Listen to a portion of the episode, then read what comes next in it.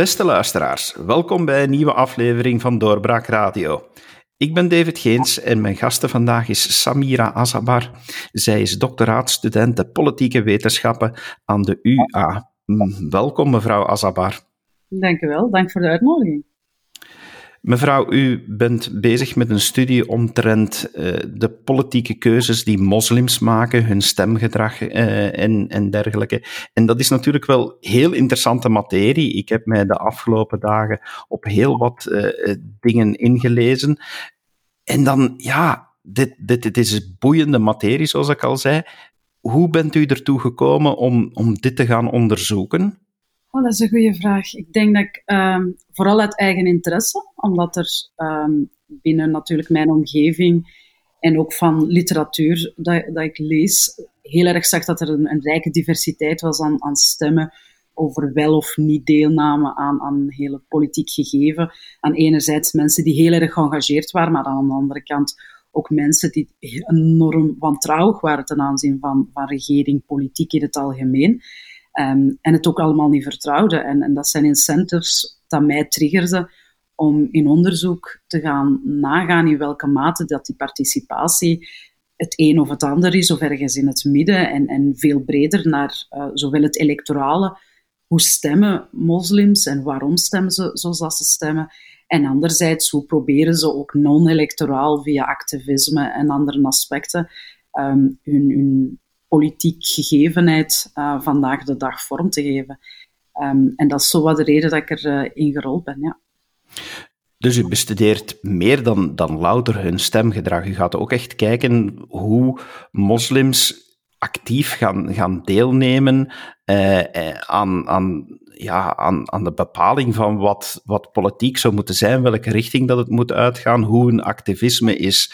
Dus uh, als ik het goed begrijp, dat, dat is dan het hele veld dat u bestudeert. Ja, er is natuurlijk het dominant discours dat moslims niet zouden participeren, dat heel bij zijgegevenheid um, en dat ze geen bijdrage zouden leveren aan, aan de bredere samenleving. En van daaruit was natuurlijk het gegevenheid dat ik wel geïnteresseerd was in hoe doen ze dat electoraal, maar hoe doen ze dat ook op andere mogelijke manieren. En dat kan inderdaad in de zin van meer activistische vormen zijn. Um, nemen ze deel aan, aan, klimaatbewegingen? Wat motiveert hen om uh, in, in bepaalde uh, issues of in bepaalde materie verzeild te raken en daarvoor een strijd uh, aan te gaan? Meer nog, waarvoor strijden ze? binnen de, de huidige context in onze democratie.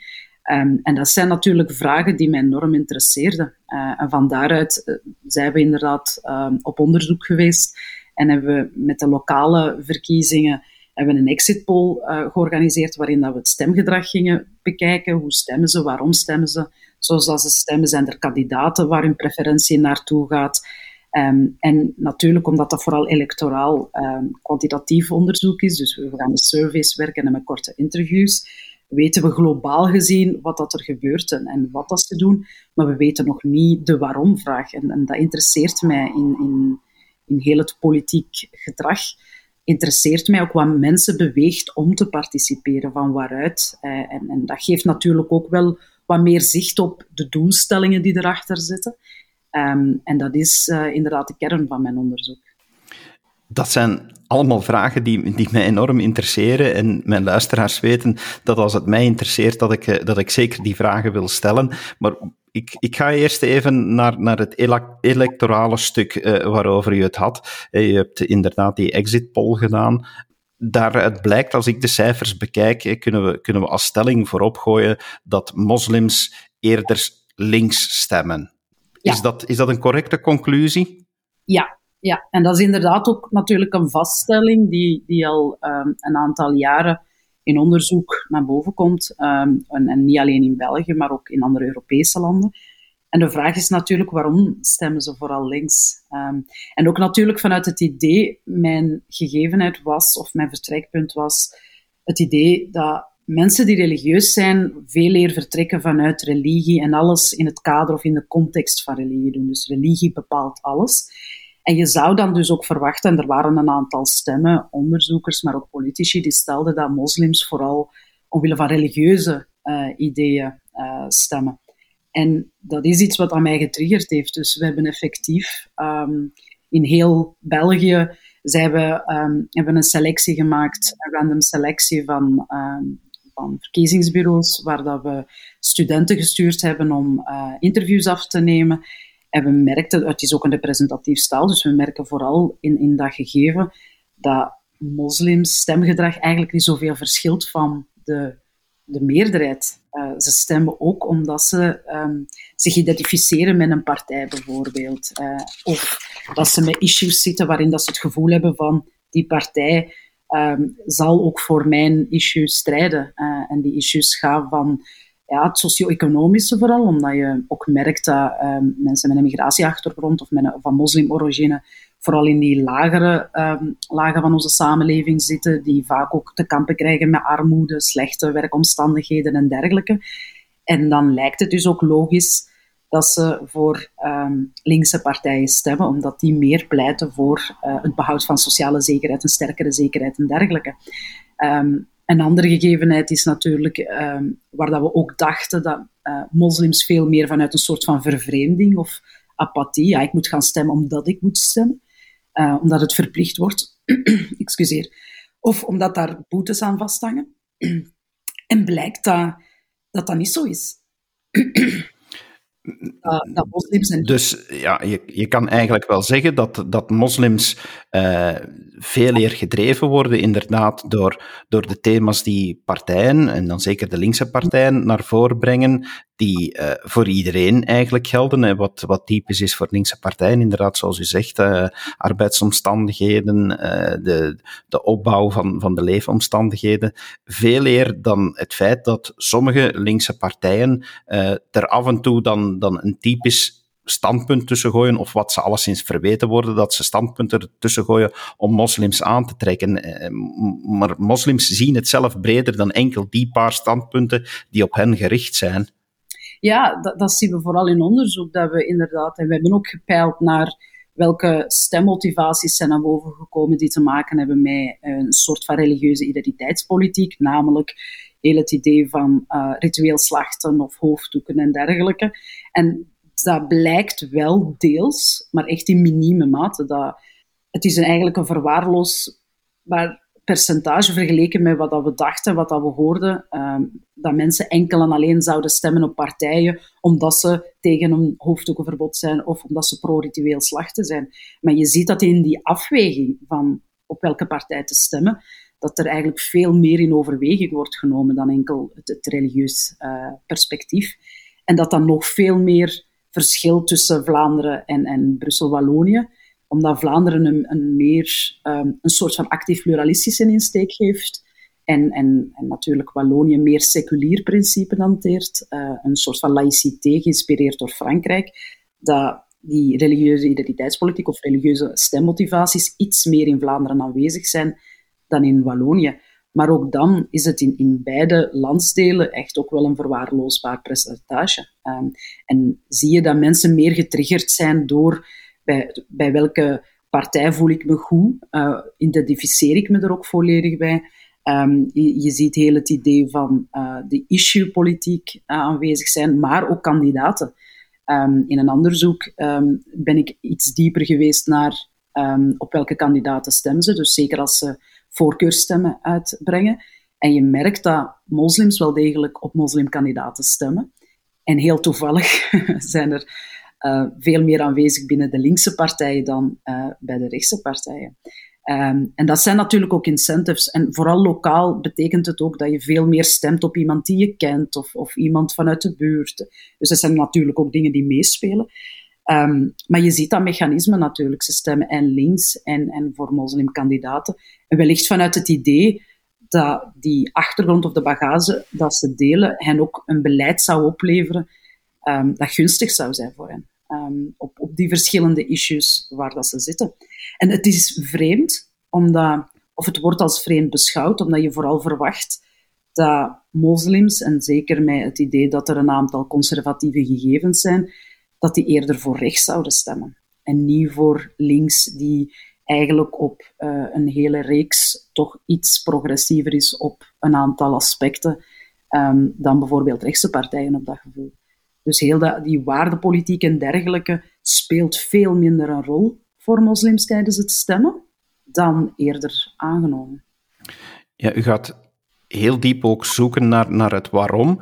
Zijn moslims dan, dan voldoende qua qua participatiegraad op de hoogte, wat, wat, wat de verschillen maakt tussen de partijen. Van, zijn dat heel bewuste keuzes die ze maken? U, noemt daar, ja, linkse partijen zijn, zijn meer progressief en je zou, je zou dan verwachten dat, dat vanuit de religieuze achtergrond dat er bepaalde conservatieve keuzes gaan meespelen. Zijn moslims heel genuanceerd op de hoogte van, van die verschillen en maken ze dan toch heel bewust die keuze? Of gaan ze inderdaad uh, snel gaan stemmen, zoals heel veel, zoals heel veel mensen, uh, gewoon omdat het moet? Ja, dat is, een, dat is op zich een heel goede vraag en dat is het onderzoek waar ik nu mee bezig ben, omdat je dan inderdaad voor zulke nuances diepgaander moet gaan en, en, en interviews moet nemen. Maar we kunnen ook al wel blijk geven van een aantal andere onderzoeken die hebben plaatsgevonden in, in West-Europa. En je ziet dat moslims daar wel die afweging in, in, maken, dat ze dat ook wel weten, dat ze dat ook ondersteunen qua ehm, progressiviteit. Ehm, maar dat ze daar ook, denk ik, ook wel ergens het idee hebben van oké, het is aanwezig en het is een democratie, maar zolang dat het aan mij niet op wordt opgelegd, maakt het niet uit. Um, en dat zijn de stemmen die je nu wel ziet. En natuurlijk zijn er moslims die op rechts stemmen. Hè. Dat betekent niet, omdat ze vooral links stemmen, dat er uh, niet rechts wordt gestemd. Dus er bestaan ook bepaalde visies in, waarin dat ze toch wel een aantal issues zouden achterlaten omwille van het, conservatief denken. Um, of omwille van een bepaalde percepties die zij zien als centraal in religie, waardoor dat ze eerder voor een rechtse partij zouden stemmen, of een centrumrechtse partij. Je ziet bijvoorbeeld dat er ook een aandeel is die heel sterk uh, voor CD&V stemt. Uh, omdat ze daar ergens in die uh, religiebeleving een, een aantal intersecties zien, een aantal gelijkenissen, um, waardoor dat ze daardoor ook aangetrokken worden. Dus je ziet vooral dat die groep van moslims die we altijd als een soort van monolithisch blok naar voren schuiven, erg divers is. Um, en dat ze verschillende afwegingen maken in het stemmen voor bepaalde partijen. En dat er inderdaad een groep is die eerder neigt om naar rechts te stemmen, maar dat een grotere groep eerder neigt naar, naar linkse partijen toe. U noemde het inderdaad net van ja, het, het, beeld dat we hebben als monolithisch blok. En we zitten hier nu de hele tijd te praten over de moslims en hun stemgedrag. Maar is dat eigenlijk wel, wel juist om, die, om hier nu te praten over de moslims? Want ja, uiteindelijk dat is ook een heel diverse groep. Je hebt van, van, van diverse afkomsten uh, bij, bij hun ouders, grootouders of zelfs generaties voordien. Zitten daar in onderling enorme verschillen in? Of uh, wat, wat stelt u daar vast in uw onderzoek? Ja, dat onderzoek heeft ook zijn limitaties. En dat is, dat is een van die limitaties, namelijk het verder gaan uitzoeken wat dat die verschillen zijn en, en hoe dat die verschillen zich uiten en, en gedreven worden. Uh, het probleem waar dat wij mee zitten, is dat er tot op de dag van vandaag, en dat is in, in heel wat westerse landen, dat we geen gedegen verzameling hebben van data. Um, waarin dat we inderdaad um, de verschillende generaties mee opnemen, waar we ook rekening uh, houden met etniciteit, met klasse en dergelijke. Dus dat blijkt ook vandaag de dag een probleem te zijn, waar dat we, of waar dat ik het antwoord verschuldigd moet blijven uh, op die vraag. We weten het gewoonweg niet. Um, en, en ik zou het super interessant vinden om dat wel te doen, maar we weten ook wel dat er een groot aandeel is dat veel minder deelneemt aan onderzoek. Um, dat is al één. Um, en dat heeft wellicht te maken met deels wantrouwen, maar ook met andere aspecten waar dat we nu geen zicht op hebben. En een tweede gegeven is dat wij vanuit de geschiedenis ooit eens besloten hebben om uh, ja, geen vragen te stellen of geen expliciete vragen te stellen in een soort van census um, rond religie en religiebeleving. Uh, en dat we daar inderdaad nog um, daardoor ook heel weinig weten. En dat was ook hetgeen wat me triggerde. Er is niet zoveel onderzoek, zeker niet in West-Europa rond moslims. We hebben zo wat de basis van ze stemmen links, maar meer diepgaand um, onderzoek is tot op heden niet aanwezig. ja ze stemmen links, maar links is, is uiteindelijk ook een heel breed veld uh, waar, waar je daar kan gaan van gematigd links uh, tot, tot extreem uh, links. Zitten, zitten daar grote verschillen op van wat, wat, wat zijn nu eigenlijk de, de partijen waar moslims voornamelijk op stemmen als we, als we partijen gaan benoemen? Ja, het, het heel interessante in dat gegeven ehm, is, is dat er echt ook wel een vorm van polarisering aanwezig is in onze samenleving. Namelijk, Vlaanderen stemt meer rechts en moslims stemmen meer links. Dus daar waar bijvoorbeeld de SPA, de socialisten, heel erg gegeerd waren, zien we daar een sterke afname in. Ehm, en zien we moslims eerder nu van partij wijzigen en iets linkser gaan stemmen, ehm, namelijk uh, Groen en, en PVDA. Ehm, en je merkt daar ook natuurlijk, vergeleken met de vorige lokale verkiezingen, deze verkiezingen, echt ook wel een groot verschil in. Dat mensen, uh, moslims toekoer, de rug toekeren um, naar, naar SPA toe, ook omdat ze meer uh, waarschijnlijk nu centrumrechts zijn en, en minder als, als centrumlinks en minder als echt linkse partij worden gedefinieerd, um, zien we dat moslims inderdaad veel linkser gaan stemmen. En dan tegen, aan de, als tegenhanger zie je dan um, ja, niet-moslims veel meer uh, rechts stemmen. Dus je, je ziet ook wel ja, dat dat vragen oproept. Haalt groen dan, dan bijvoorbeeld een hogere score als je gaat vergelijken tussen moslims en niet-moslims? Want ja, uh, ik, ik, aarzel altijd een beetje om die tegenstelling te maken, maar uw onderzoek richt zich daarop. Mm. zie, je, zie je verschil tussen het stemgedrag tussen moslims en niet-moslims, dat die, dat die inderdaad dan bijvoorbeeld een partij zoals Groen, dat die echt beter scoort bij, bij moslims?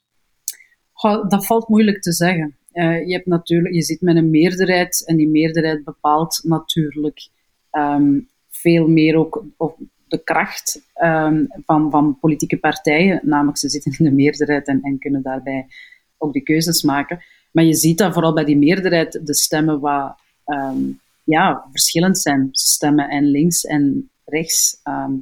Dus daar, daar zie je vooral een grotere diversiteit in. De tabellen die u, die u al uh, heeft uh, gepubliceerd en, en, de gegevens die ik kon vinden, uh, wat betreft de lokale verkiezingen van 2018, was de nummer één partij toch nog altijd SPA. Die, die wist bijna 35% van de, van de moslimkiezers te overtuigen. Klopt, hè? Ja, je ziet de socialistische, eh, socialistenfamilie natuurlijk, hè, um, waar dat die, ik zal de tabellen er even bij moeten nemen, maar je ziet dat de socialisten vooral in Belgische context nog altijd heel wat moslimstemmen binnenrijven. En je ziet dat daar een verschil is in Vlaanderen, waar SPA minder gegeerd is, maar de PS nog heel erg wel. Um, dus ook over die landsdelen zie je verschillen tussen moslims, wat ook op zich interessant is, want een Vlaamse moslim en een Waalse moslim stemt niet gelijkaardig. Is het dan ook zo dat je, uh, als je bijvoorbeeld kijkt naar het andere spectrum, het, het rechtse spectrum, dat je bij moslims meer rechtse stemmen vindt in Vlaanderen dan dat je die in Wallonië vindt? Ja, het verschil is natuurlijk dat er moslims zijn die vooral centrumrechts stemmen. Um, het enige gegeven is dat je waarschijnlijk iets meer zult vinden, omdat er een meer vijandige context wordt gepercipieerd in Vlaanderen, omwille van de aanwezigheid van uh, Vlaams Belang en het succes van Vlaams Belang, ten opzichte van uh, Wallonië, waar zulke partijen niet aanwezig zijn, of toch niet in die zin dat ze zo prominent aanwezig zijn. Dus het verschil ligt ook, en, en je zou dan kunnen suggereren dat hetgeen wat we daar juist over hadden, dat moslims inderdaad in hun afwegingen van stemmen op bepaalde partijen, dat ze ook zoeken naar welke partij kan een soort van verzet plegen ten aanzien van het heel extra rechtsdenken dat hier aanwezig is in Vlaanderen, waar dat dan niet aanwezig is in, in Brusselse of Waalse context. Dus die afwegingen zitten er zeker in.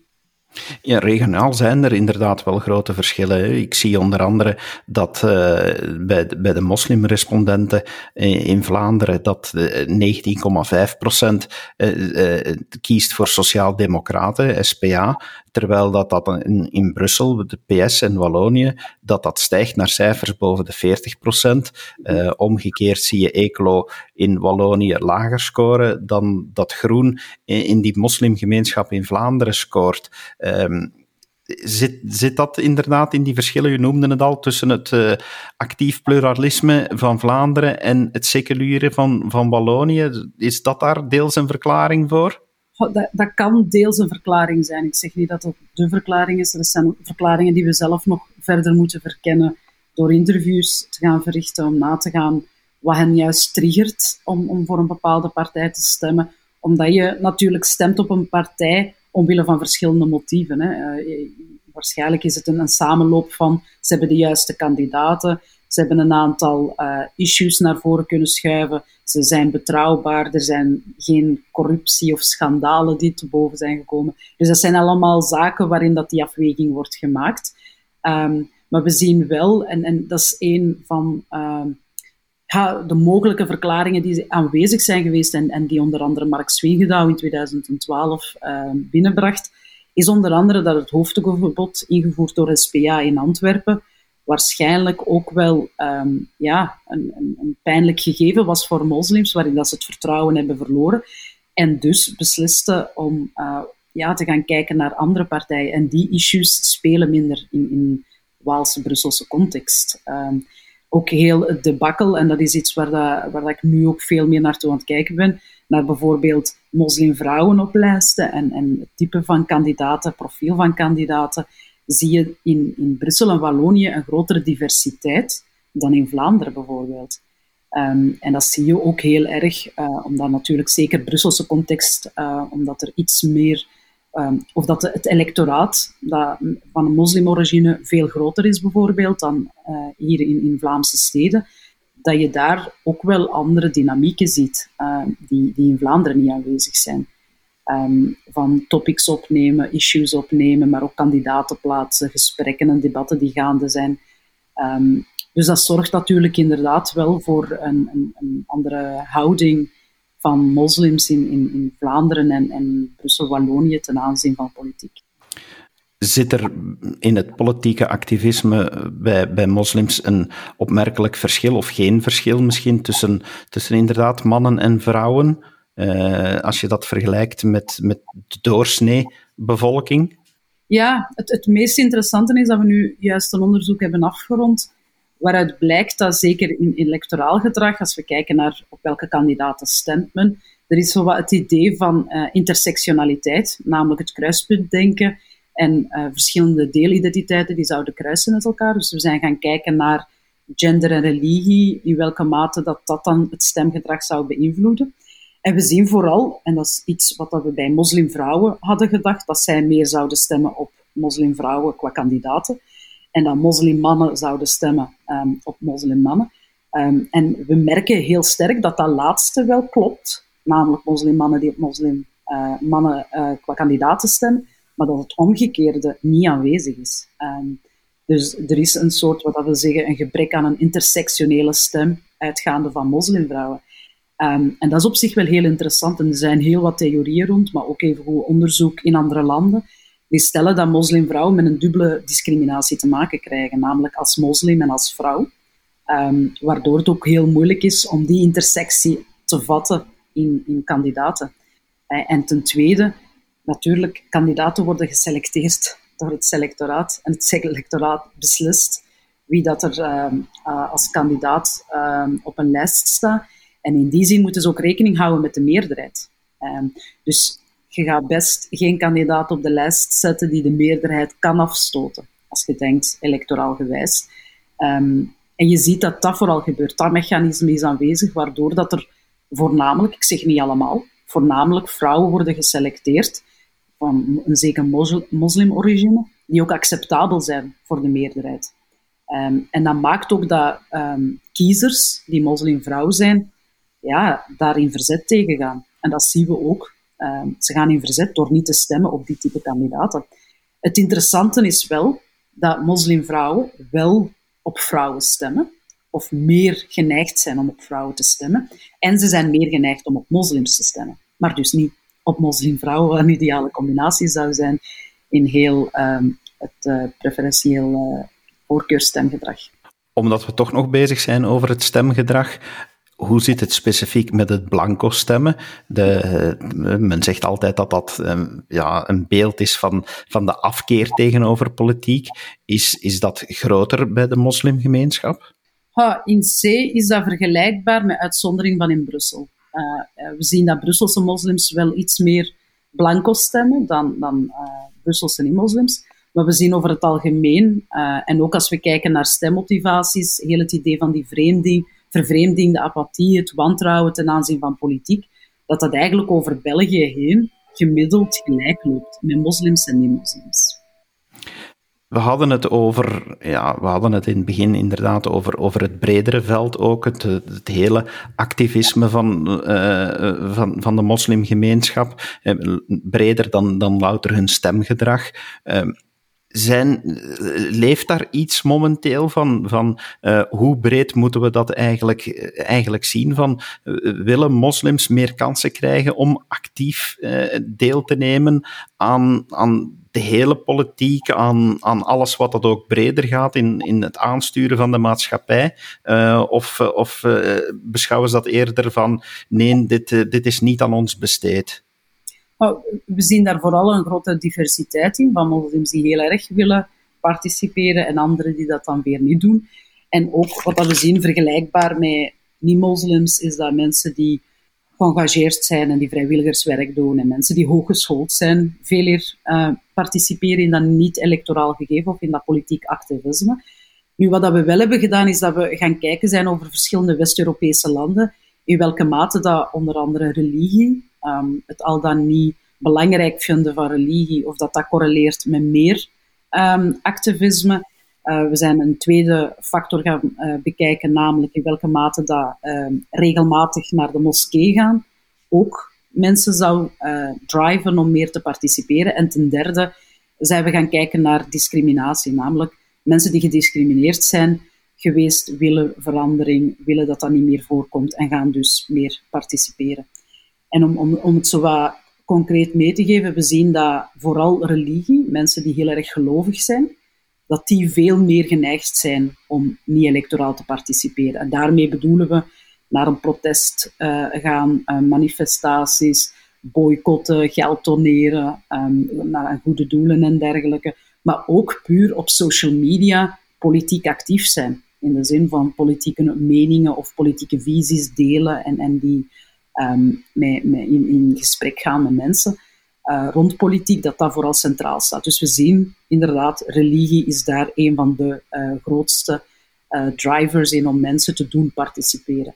Een tweede gegeven is dat we dat zien bij moskee gebeuren. En dat maakt natuurlijk vanuit het idee dat je meer een groepsbewustzijn hebt. je zit daar in een soort van collectieve mos moskeegemeenschap. En dat zou effectief inderdaad ook wel mensen doen bewegen om meer te, uh, te participeren in onze samenleving. En je hebt dan natuurlijk het verschil in, in de civic participation dat we noemen, en dat is veel meer het vrijwilligerswerk gegeven, een bijdrage leveren aan de samenleving, dat zien we daar heel erg aanwezig, maar ook politiek, uh, namelijk door al die andere politieke activiteiten te ondernemen. En ten derde, en wat op zich heel interessant is, zien we dat moslims die gediscrimineerd worden en die algemene discriminatie meemaken, dat die minder geneigd zijn om te participeren. Meer interessanter is dat als ze gediscrimineerd worden op basis van hun religie, dus als ze bepaalde cases maken, meemaken die heel expliciet gericht zijn op religie uh, en, en, gediscrimineerd worden door hun religie, dat ze wel uh, graag willen participeren. En je ziet daar heel wat theorieën rond dat als moslims ja, gewoon persoonlijke discriminatie meemaken van is uitgescholden te worden op straat, dat dat hen minder beweegt, omdat dat wat persoonlijk is. Maar als er structurele vormen van discriminatie aanwezig zijn door instellingen in de arbeidsmarkt, als je nog eens gediscrimineerd wordt op de arbeidsmarkt omdat je moslim bent, dat dat inderdaad veel meer mensen beweegt om te gaan participeren. En dat is iets wat uh, tegengesteld aan het onderzoek dat we tot nu toe gezien hebben, waarin men stelt, en, je hebt heel het idee van uh, ja, de context van radicalisering, Syrië-strijders, waar discriminatie een van die voedingsbodems waren, merk je dat discriminatie ook een andere werking kan hebben, namelijk meer doelgerichte participatie in de samenleving om verbetering te zoeken. En daar zie je vooral die gemeenschappelijke factor. Men wil een beter leven, het zij voor zichzelf, het zij voor hun kinderen. Men wil verandering teweeg brengen. Men wil meer gelijkheid, meer vrijheid, betere sociale interacties met medeburgers. Dat zijn zaken die bij hen inderdaad um, ja, hen, en, incentives geven om te participeren ten einde een, een, betere samenleving, zoals zij die percipiëren, uh, om die te bekomen. Biedt onze maatschappij genoeg aan participatiemogelijkheden voor moslims die, die willen uh, participeren en willen actief zijn? dat is een goede vraag. Um, en dat is iets waar ik zelf niet dieper ben ingegaan, maar als ik um, terug mag vallen op mijn eigen onderzoek, um, blijkt dat dat iets minder aanwezig is. En dat dat vooral gericht is, of dat het gebrek vooral ligt uh, ten aanzien van moslimvrouwen. Dat als we kijken naar kandidaten die op de lijst staan, wordt er geen rekening gehouden met moslimvrouwen, wel met moslimmannen. Uh, en dat zie je in die match, waarin uh, partijen wel uh, goede kandidaten kunnen voorschuiven voor moslimmannen, maar niet zozeer voor moslimvrouwen. Dus dat daar wel een soort van lak is, um, of een kloof. En je merkt um, dat dat theoretisch ook heel erg ingeburgerd is in literatuur. Namelijk, men spreekt heel duidelijk van invisible intersectionality. Namelijk bepaalde groepen die genegeerd worden of vergeten worden door beleidsmakers. Uh, en die groepen zijn onder andere zwarte vrouwen, uh, moslimvrouwen, dus die um, op het intersectie zitten van die gemarginaliseerde identiteiten. Um, dus er is nog wel wat werk aan. Uh, maar we merken dat, vooral in het electoraal gebied, dat dat iets weinig aanwezig is, omdat er natuurlijk ook andere aspecten zijn waar dat men rekening moet houden. Namelijk, men mag niet iemand um, op de lijst zitten die heel pro-minority policy is, dus die heel erg voor een beleid is om um, minderheden um, op zijn minst uh, gelijkwaardig te behandelen. Dus het mag niet te veel veranderen aan die status quo, waardoor dat je inderdaad in, in representatie toch wel iets minder aanwezig bent. En het stelt natuurlijk ook veel vragen, want waar dat we initieel naar keken is, is er genoeg kleur op de lijst? Is er genoeg vrouw op de lijst? Um, maar dat gaat niet dieper, want dat impliceert dat enkel die groepen um, zouden um, ja, die groepen zouden kunnen vertegenwoordigen. Terwijl natuurlijk een man even goed als hij feministische visies heeft en een goed beleid vrouwen ook kan vertegenwoordigen. Of dat niet-moslims bijvoorbeeld moslims ook goed kunnen vertegenwoordigen als ze substantieel een ander beleid kunnen uh, voorschuiven die die groepen um, ja, hun belangen en hun noden en vragen mee opneemt. En dat is iets, iets weinig, Waardoor dat je ook ziet dat in uh, het niet-electorale, in alles wat dat niet met verkiezingen te maken heeft, dus met politiek activisme, dat veel literatuur suggereert dat vooral moslimvrouwen heel erg actief zijn daarin. Um, dat ze daartoe bewogen worden, omdat ze electoraal wellicht niet gehoord worden, gaan ze het inderdaad op een andere manier doen. En als je kijkt naar Vlaamse context, uh, naar heel wat bewegingen die aanwezig zijn, zijn het vaak ook feministisch-islamitische bewegingen um, of geïnspireerd door islamitisch feminisme, die uh, aan de kar trekken en, en die vrijwilligerswerk doen, die proberen verandering teweeg te brengen. Um, dus ja, ik, ik, denk op zich dat er hier en daar wel een aantal aspecten zijn, uh, maar dat er nog zeker verbetering mogelijk is. Onze maatschappij polariseert, daar heeft iedereen het eh, momenteel over. En men ziet dat uh, gelukkig als een gevaar in. Uh, is polarisatie ook iets wat dat, wat dat uit uw onderzoek naar voren komt, dat leeft bij de moslimgemeenschap? Van, is daar eigenlijk ook een wij-zij-denken uh, dat, dat bestaat? En is het uit, uit die polarisatie dat, dat ook de gedrevenheid soms komt om, uh, om meer actief te zijn? je ziet vooral dat mensen die heel erg in, in het wij-zij-denken zitten, heel dat politiek systeem afkraken als het is verkeerd. Um, en, en je ziet de gevolgen, waardoor dat ze eerder niet zouden participeren. Um, uit protest. Men zou dan niet gaan stemmen, men zou niet politiek actief zijn en men zou zich eerder terugtrekken, dat is één. Twee, ik denk dat er zeker ook wel groepen zijn um, die dat gevoel ook delen, die heel erg gaan polariseren. maar volgens mij zijn dat veel kleinere groepen. Uh, ik heb tot nu toe alleszins niet veel groepen tegengekomen die effectief uh, gedreven worden door polarisatie. Het merendeel, en dat zie je ook in ander onderzoek, in Zwitserland bijvoorbeeld is daar heel wat onderzoek, maar ook in Australië, dat als men mensen bevraagt, of moslims toekoor bevraagt op wat dat hen drijft, um, is het vooral heel het idee van uitgesloten te worden waarin dat ze verandering willen teweegbrengen omdat dat effect heeft op het dagdagelijks leven. Je wordt uitgesloten binnen onderwijs, binnen arbeidsmarkt, binnen cruciale domeinen om voor een basisvoorziening uh, in te staan, uh, om uw kinderen goed op te voeden. En, en daar blijkt vooral ehm, die, die incentives te bestaan om verandering teweeg te brengen, omdat ze dagdagelijks daar de nadelen van ondervinden. En ook naar religie toe. Uh, we merken dat er een zekere angst is voor islam, waardoor dat er heel wat beperkingen gelden.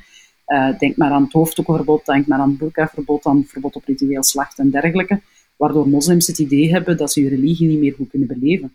Dat heeft dan veel meer te maken met het idee van discriminatie op basis van religie, dan dat het echt inherent en religieus gegeven is van het hier te willen overnemen of zo. Een beetje een dominant beeld dat aanwezig is rond islamisering in, in het Westen, blijkt dat veel minder aanwezig te zijn rond die discussies. Men wil juist gaan kijken naar hoe kunnen we samenleven en hoe kunnen we elkaar die vrijheid toebedelen.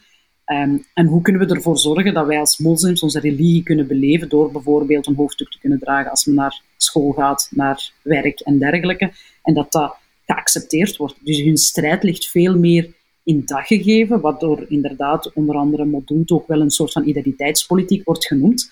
Um, maar die identiteitspolitiek is er vooral omwille van het discriminatiegegeven en niet zozeer omdat ze religieus inherent geloven in um, een soort van islamisering of een soort van het overnemen van. Uh, dus dat, dat, is wel een cruciaal verschil, waarin dat je effectief ook ziet dat moslims ageren als burgers met een aantal keuzes. En dat is anders dan dat ze effectief vanuit een religie gedreven zijn om verandering teweeg te brengen. In die zin, misschien als een van de laatste vragen, valt het inderdaad wel op. Moest die islamisering, moest dat een, een groots plan zijn of dergelijke? Uh, en, en u merkt uit uw onderzoek ook van dat, dat moslims. Uh, vind ik op een heel logische manier uh, gaan, gaan kiezen voor moslimkandidaten. Maar er zijn geen moslimpartijen. Dat, is, dat is toch ook wel opmerkelijk dat, dat niemand opstaat en dat, er, en dat, er, dat de moslimkandidaten uh, gaan, gaan inderdaad werken binnen bestaande partijen en dat er geen nood blijkt te zijn aan, aan echt een aparte partij. Uh, hebt u een idee waar daar de, wat dat, waar, waar er een verklaring is voor, voor dat feit? Nee, en het is uh, toevallig, want dat is ook hetgene wat mij enorm interesseert. Um, omdat je ziet dat in Nederland, waar ik de situatie ook nauw opvolg, dat dat daar veel meer aanwezig is. Je hebt zelfs verschillende partijen. Vooral NIDA uh, is daar heel sterk in, vanuit een, islamitische religiositeit. Echt ook deelnemen aan politiek, gedreven door religie. is eigenlijk een beetje een islamitische CD&V. Ehm, dus dat is op zich wel heel interessant dat dat in Nederland wel kan en dat ze wel stemmen vergaren en dat ze daardoor ook zetels trekken. Um, en je ziet het verschil met bijvoorbeeld Denk, die zich veel minder beroept op die religie uh, als een andere partij, uh, die evengoed ook een grote achterban krijgt. Um, maar je ziet dat nog niet aanwezig inderdaad in, in, in België. Natuurlijk in Brussel hebben we wat kleinere partijen, gelijk islam, die, die uh, toch wel in, in, in, een bepaalde periode heel erg uh, in het vizier is gekomen, waar dat er enorm veel discussies aanwezig zijn geweest rond die opstelling. Maar je ziet ook dat ze nooit echt van de grond geraakt zijn. Dat ze nooit echt een, een, een groot uh, electoraat hebben kunnen verzamelen dat eventueel wel ja, op zich mogelijk zou geweest zijn. Nu natuurlijk, uh, mijn eerdere stemmotivaties qua onderzoek die ik verricht heb, maakt dat een heel groot deel, bijna de helft van moslims, op een partij stemt, omdat ze zich identificeren met die partij, waardoor het ook veel moeilijker gaat zijn om ze te overtuigen. ze zijn helemaal overtuigd van een specifieke partij en blijven daar ook uit, uh, op stemmen omwille van gewoonte of omdat ze zich echt wel heel erg identificeren met die partij. Dus dat is één. Je ziet dat Vlaamse moslims ook een beetje honkvast zijn wat betreft partijkeuze. Um, en anderzijds um, zal het waarschijnlijk ook blijken dat um, het idee van uh, een islamitische partij dat tot nu toe aanwezig was geweest, uh, dat dat hen niet kon bekoren. En dat zal waarschijnlijk inderdaad veel meer om, om de visie zijn die, die geportretteerd is, want is, islam heeft op zich een, een iets wat uh, conservatievere houding ook. en, en ook een, een, beetje meer een idee van um, hoe dat je een islamitische samenleving zou kunnen creëren, maar niet heel specifiek, bleef nog heel vaag. En, en wellicht wilden mensen daar ook niet het risico in nemen. Maar het is op zich een heel interessante vraag waarom islamitische partijen uitblijven. In België daar waar dat ze in andere Europese landen wel aanwezig zijn. Mevrouw Azabar, misschien uh, voorbarig, want u bent nog met uw onderzoek bezig. Uh, maar laat ik het dan zo stellen. Wat is tot op heden de meest verrassende conclusie die, u zelf uh, hebt over uw onderzoek? Ha, dat. Ja, ik, ik moet eerlijk zeggen, ik, ik, ik denk dat ik echt ook wel blijf bij het eerste, dat, um, waar ik gedacht had dat religie een iets groter aandeel zou spelen bij moslims in het kiezen van partijen dat dat eigenlijk helemaal niet zo groot bleek te zijn. Eigenlijk echt wel verwaarloosbaar. Uh, en dat die afwegingen van verschillende andere factoren, gaande van issues tot partijidentificatie en, en vervreemding, dat dan een veel grotere rol speelde dan religie as such, is iets wat mij wel verbaasde. Um, en ik zeg het, het kan zijn dat het niet volledig is doorgekomen door de manier waarop dat we het onderzocht hebben, maar merken hier dat vooral de dagdagelijkse uh, issues een grotere rol spelen dan religie as such. Um, en in C klinkt het ook logisch, maar ik moet eerlijk bekennen dat door het dominant discours ik ook een beetje geleid ben, waardoor dat je dacht dat uh, mensen vanuit religieuze overwegingen vooral zouden stemmen. Uh, omdat religie alom aanwezig is, en zeker islam, en bediscussieerd wordt, en dat speelt veel minder dan. Um, dus dat was voor mij ook wel een verrassing.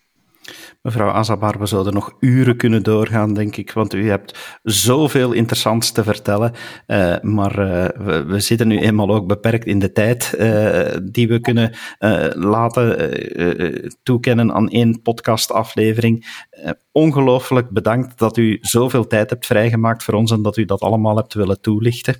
Met plezier, dank u voor de uitnodiging. Ik heb er zelf erg van genoten om zo getriggerd te worden door de vragen, dus dank u wel.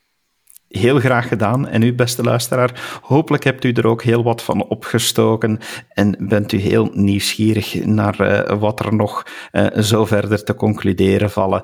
Uh, we, we, houden dit natuurlijk in de gaten naarmate mevrouw Azabar verder gaat met haar studies. En wie weet, komen we haar nog wel eens tegen in onze podcast. Ik ben daar vrijwel zeker van. Dank u wel dat u geluisterd hebt en graag tot de volgende keer. Dag. Dit was een episode van Doorbraak Radio, de podcast van doorbraak.be. Volg onze podcast op doorbraak.be/slash radio of via Apple Podcasts, Overcast of Spotify. Bezoek ook onze website op doorbraak.be en steun ons door een vriend te worden van Doorbraak.